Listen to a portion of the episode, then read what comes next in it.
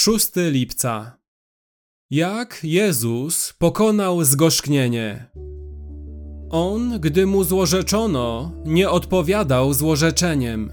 Gdy cierpiał, nie groził, lecz poruczał sprawę temu, który sprawiedliwie sądzi. Pierwszy list Piotra 2:23 Przeciwko nikomu nie zgrzeszono tak bardzo, jak przeciwko Jezusowi. Wszelka krztyna wrogości w stosunku do Niego była całkowicie niezasłużona.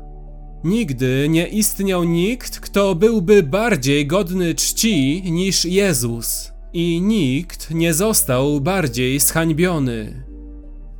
Jeśli ktokolwiek miał prawo się gniewać, czuć gorycz i mścić się, był to Jezus. W jaki sposób umiał nad sobą panować, gdy łajdacy, których życie on podtrzymywał, pluli mu w twarz? 1 Piotra 2,23 daje nam odpowiedź.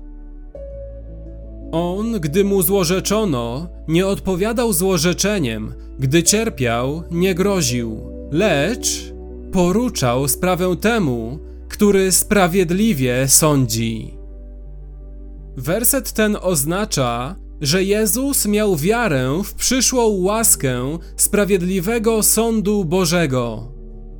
Nie miał potrzeby mścić się za wszystkie doznane krzywdy, ponieważ powierzył swoją sprawę Bogu.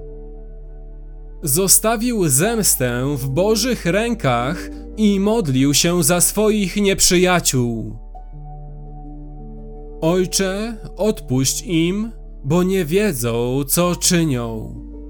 Łukasza 23:34 Piotr opisuje nam wiarę Jezusa, abyśmy nauczyli się, jak samemu żyć w taki sposób.